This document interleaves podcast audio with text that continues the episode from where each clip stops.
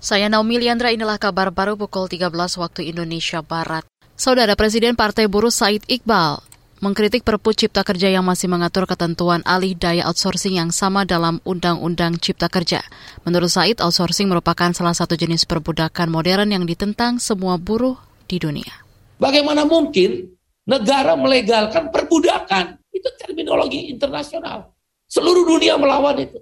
ILO juga melawan itu. Jadi kok Perpu legitimasi, negara memberikan legitimasi melalui Perpu, outsourcing boleh. Katanya negara Pancasila, kemanusiaan yang adil dan beradab. Outsourcing itu tidak beradab. Kok boleh di Perpu?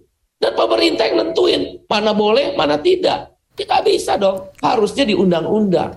Presiden Partai Buruh Said Iqbal mengatakan ketentuan alih daya outsourcing bagi setiap pekerjaan dalam Perpu tidak tepat. Kata dia pemerintah menciptakan aturan tanpa batasan yang jelas.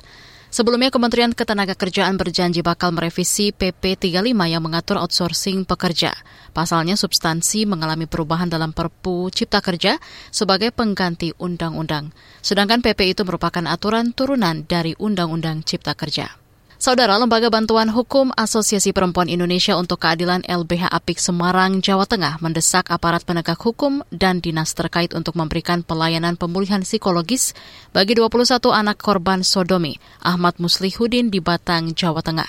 Direktur LBH Apik Semarang Raden Ayu mengungkapkan pemulihan psikologis anak korban kasus kekerasan seksual merupakan hak korban. Penting juga pemulihan psikologis untuk korban. Ini yang perlu disampaikan juga kepada aparat penegak hukum untuk mengakseskan para korban ini untuk mendapatkan layanan pemulihan psikologis untuk korban. Karena uh, kami pengalaman di tahun 2016 sampai 2022 bahwa kasus-kasus kekerasan seksual terhadap anak ketika tidak didampingi pemulihan secara psikologis korban, maka dia rentan menjadi pelaku di kemudian hari. Karena yang pertama, ketidaktahuan dia bahwa dia adalah korban kekerasan Direktur LBH Apik Semarang Raden Ayu mengatakan layanan pemulihan psikologis anak korban kekerasan seksual seharusnya diakses gratis dari instansi milik pemerintah, sehingga tidak ada beban biaya yang ditanggung keluarga. Selain itu, ia juga mendesak agar semua pelaku kejahatan seksual mendapatkan hukuman berat dan rehabilitasi pasca selesai menjalani hukuman penjara.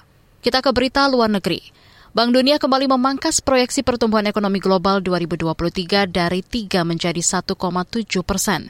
Melansir Reuters, penurunan proyeksi itu terjadi karena Bank Dunia masih melihat perang Rusia-Ukraina berlanjut, tingginya suku bunga dan ketidakpastian global. Pada 2024, Bank Dunia memprediksi pertumbuhan ekonomi global berada di level 2,7 persen. Rata-rata pertumbuhan ekonomi sepanjang 2022 hingga 2024 akan berada di bawah 2 persen. Angka tersebut merupakan laju tahunan paling lambat sejak 1960. Bank Dunia juga memprediksi dengan pertumbuhan ekonomi yang melambat, jurang resesi kembali terbuka lebar. Saudara, demikian kabar baru KBR. Saya Naomi Liandra.